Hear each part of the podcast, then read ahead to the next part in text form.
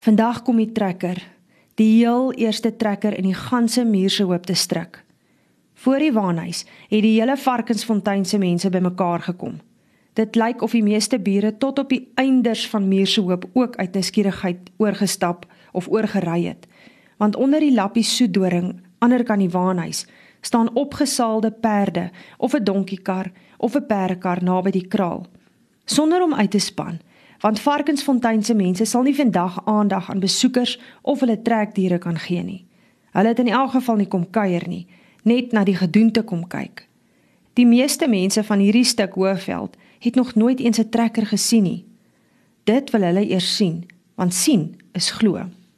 Daarom is Varkensfontein se werf vanmôre die ene bedrywigheid, amper soos nagmaal, maar nie heeltemal so stigtelik nie. Die kinders is nie vanoggend skool toe nie en juffrou Gous het gesê sy wil self later na die gevaar te kom kyk. Maar sy is seker in die huis by Gertryda en Hendrik. Hulle sal buitentoe kom wanneer hulle die trekker in die plaaspad hoor afkom. Hulle sê 'n mens hoor die ding van ver af. Arme miskryers, sê oom Berend van Meiskraal. Dis net beloftes en beloftes. Die man staan in groepies onder hulle hoede en wonder geselsend oor die nuwigheid. Die enkele bywoners wat nog oor is, sal moet trek. Deelsaaiers is bekommerd omdat so 'n sterk ding mos osse oorbodig sal maak en daar minder hande op die plase nodig sal wees. 'n Wit mens sal moet gaan werk soek in die stad. En watter soort werk is daar nou in 'n stad vir 'n man wat net van boer af weet? Is net die myne wat werk het en Muurshoop weet watter klas die delwers is. Daar's ook nie eens 'n ordentlike kerk in die stad nie. Die vroue is minder bekommerd. Wat weet vrouens nou van 'n ploeg en 'n span osse af? Die volk staan effens weg van die waanhuis af. Ander kan die lyf voor. Selfs die seisoenoesters weet dat so 'n trekker die begin van masjiene is wat eendag seker sommer self op die wiele deur 'n mielieland loop en oes. Dalk nog 'n ding wat sommer kan dors ook. Dan is dit net die myne in die stad wat oorbly. Hulle sê 'n mens moet in 'n gat baie dieper as 'n klim in die aarde inkruip. Baie gevaar en bietjie geld. Die stad, hoor hulle, is nie goed vir 'n plaasmens nie. Die kinders jul en hol heen en weer asof dit die hele dag een lang speeltyd is. Eenkant staan Cathy Marie en klein Jakob. Hulle weet albei dat die trekker vir hulle trek kan beteken. Wegtrek van Varkensfontein af. Stad toe. Naby hulle slaap Roxie in die skaduwee. Hy laat mense trek, bespiegel klein Jakob. Seker dit dat hulle die dinge trekker noem. Nee man, lag Cathy. Dis omdat dit enige iets kan trek, 'n ploeg of 'n skoffel of 'n wa, enige ding, sê oom Gert. Selfs 'n damskrop sal nie meer osse nodig hê nie. Dis toe dat Jopie ook by hulle kom staan. Hy steek amper onder sy hoed uit, dink Cathy. Ek hoor iets, sê Jopie. Hy druk sy bleek hande onder sy hoed in en hou dit bak agter sy ore. Hy luister en roep opgewonde: "Hy kom! Hy kom!" en wys groot pad toe waar Dawid en twee ander mans by die oop hek wag. Dawid hol oor die pad en waai sy arms asof hy wil keer dat die ding dalk verbyry. In die groot pad poef poef die vreemde ding. Hulle hoor hom stadig ry. Dawid hol weer terug oor die pad en gaan agter die een hekpaal staan. Oor kan die plaaspad wag die ander twee seuns by die ander hekpaal. Doodstil totdat die mense van die waanhuis af weg staan en die gedierte stom bekyk. Groot geel speekwiele agter met swart bande. Voor twee potsierlike wielietjies met geel speekies. Dig die mekaar soos 'n skaap wat sy pote van krimpsiek in mekaar trek. Groen gevaar met geel letters. John Deere. Hoog op die saal sit 'n man met 'n wiel in sy hand. Die wiel op die punt van sy lang eyster wat tot voor op die ding se groen neus loop. Twee pype wat so skoorstene lyk. 'n Mens kan dwars deur die ding se masjien kyk, sê Jopie. "Hoekom is die voorwiele so klein en die agterwiele so groot?" vra Cathy. "Dan loop hy mos die hele tyd afdraande," raai klein Jakob. Die groot mense is stil toe die monster in die twee spoorpad indraai. Hulle verstom hulle aan die aardige groepie wat aan die kom is. Dawid en die twee ander seuns draf in die lang gras weerskante van die pad. Die trekker kom doef doef tussen hulle aangestorm. Die mense is stil, Maar miskien is dit net dat die trekker se dreuning die werf oordonner. Die trekker is hier. Dit is die teken waarop die plaashuis se voordeur oopgaan. Eers juffrou Gous, dan Hendrik in 'n wit langbroek en 'n spierwit hemp met lang moue. Selfs 'n breë das met skuins wit streepies. 'n Grys hoed met 'n breë rand en 'n swart band om die bol. Gertruida se rok is langerig en wyd tot amper by die nuwe swart skoene. Die groot strooi hoed sit effens agteroor op haar kop en die lint is liggies onder haar ken geknoop. Juffrou Gous kom by Cathy staan terwyl die belangrike baas van die plaas en sy statige vrou reg voor die groot waanhuis deur gaan staan. Regop en vernaam. Daar is nie nog iemand in Muurse Hoop met 'n trekker nie. Hulle weet ook die meeste mense hier het nog nooit eens 'n trekker in lewende lywe gesien nie. Nie soos hulle twee wat hulle eie trekker darm al op die dorp by die koöperasie gesien het die dag toe hulle dit loop koop het nie. Die gebrul van die trekker is daar nog voordat hulle dit in die stoffie wat uit die plaaspad opslaan duidelik kan sien. Die stilte is een van eerbied en ongeloof toe die reusagtige eysterdier die laaste draai voor die waanhuis vat. Oom Willem Vilje het self sy hoed afgehaal en hou dit voor sy bors. Regop in die trekker se groot sitplek sit die man van die koöperasie met sy kakie stofjas en sy harde helmethoed. Toe eers bars die toejuiging los. Hulle klap hande, die meisies juig en die seuns fluit. Hendrik se trekker het gekom. Tog bly hulle op 'n eerbiedige afstand, ingeval die ding op loop gaan soos 'n os wat wild geword het. So 'n affære sal 'n mens skoon onderste bo jaag en agteraan nog iets wat 'n ploeg moet wees as 'n mens dit op die skare takseer. Wragtig 'n drie skaar en dan nog het hy wiele ook. Drie spanne osse se werk, drie touleiers en drie wat die ploeg sterk hou se werk. Dit is 'n monster wat werk vreet wat vandag hier op Varkensfontein soos die Bybelse brullende leeu kom rondloop, sê een van die mans en skuif sy hoed agtertoe. Voor die waanhuis bring die trekkerdrywer van die koöperasie die gevaarte tot stilstand. Hy maak die engine nie dood nie, maar skree van bo af vir Hendrik om op te klim sodat hy hom kan wys hoe werk die affære. "Henny," roep oom Hendrik, "kom klim op dat die man vir jou wys hoe werk die trekker." Ek pa, vra Henny verboureerd, maar hy staan nogtans manhaftig nader. 'n Masjien sal hom nie onderkry nie. En wat nou van die skool? vra juffrou Gous. Henny is vandag hier klaar met skool. Varkensfontein het hom nodig. Boekkennis is nie nodig om 'n trekker te kan dryf nie.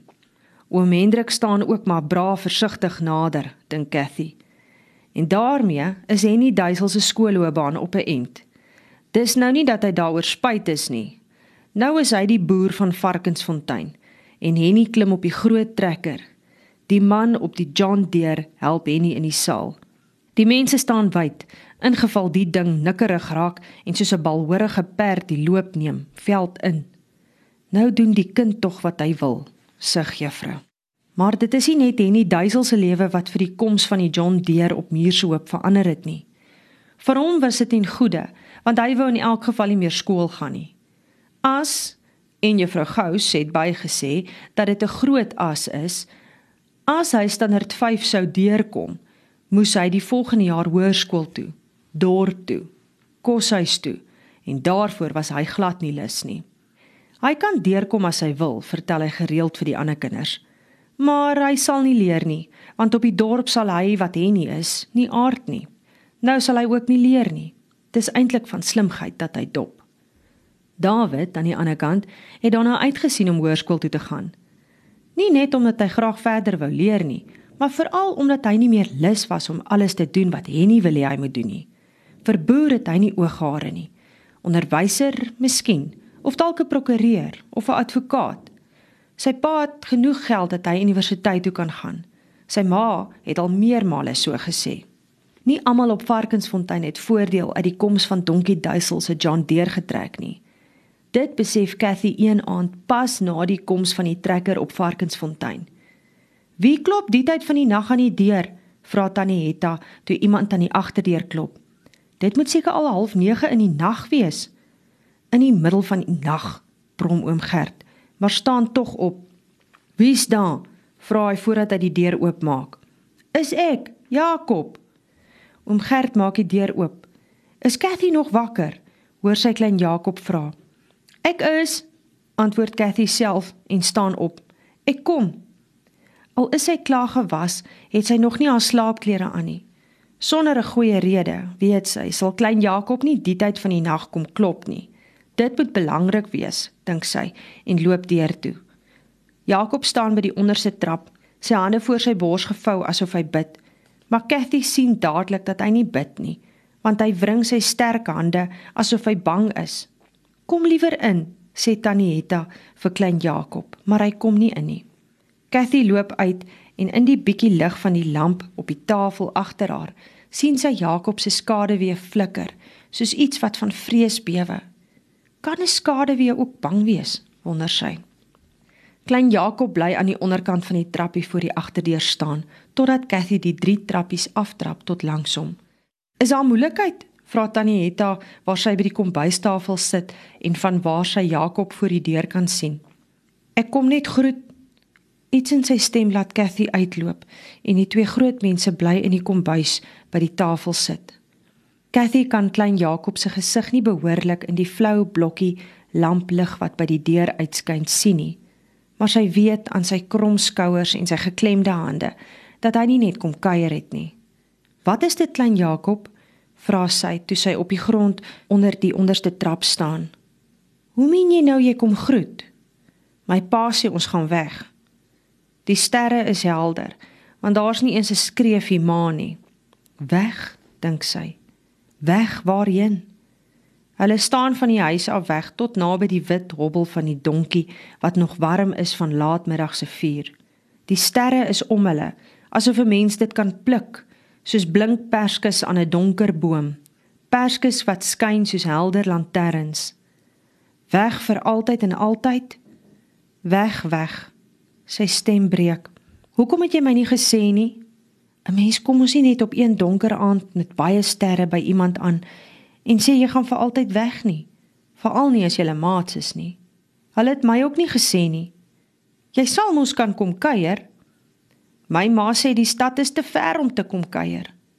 Toe snik klein Jakob en dit laat haar eie verdriet eers in haar eie keel vassit voordat dit by haar mond uitspring. Sy staan nader aan hom vat sy hand. Ek sal jou mis.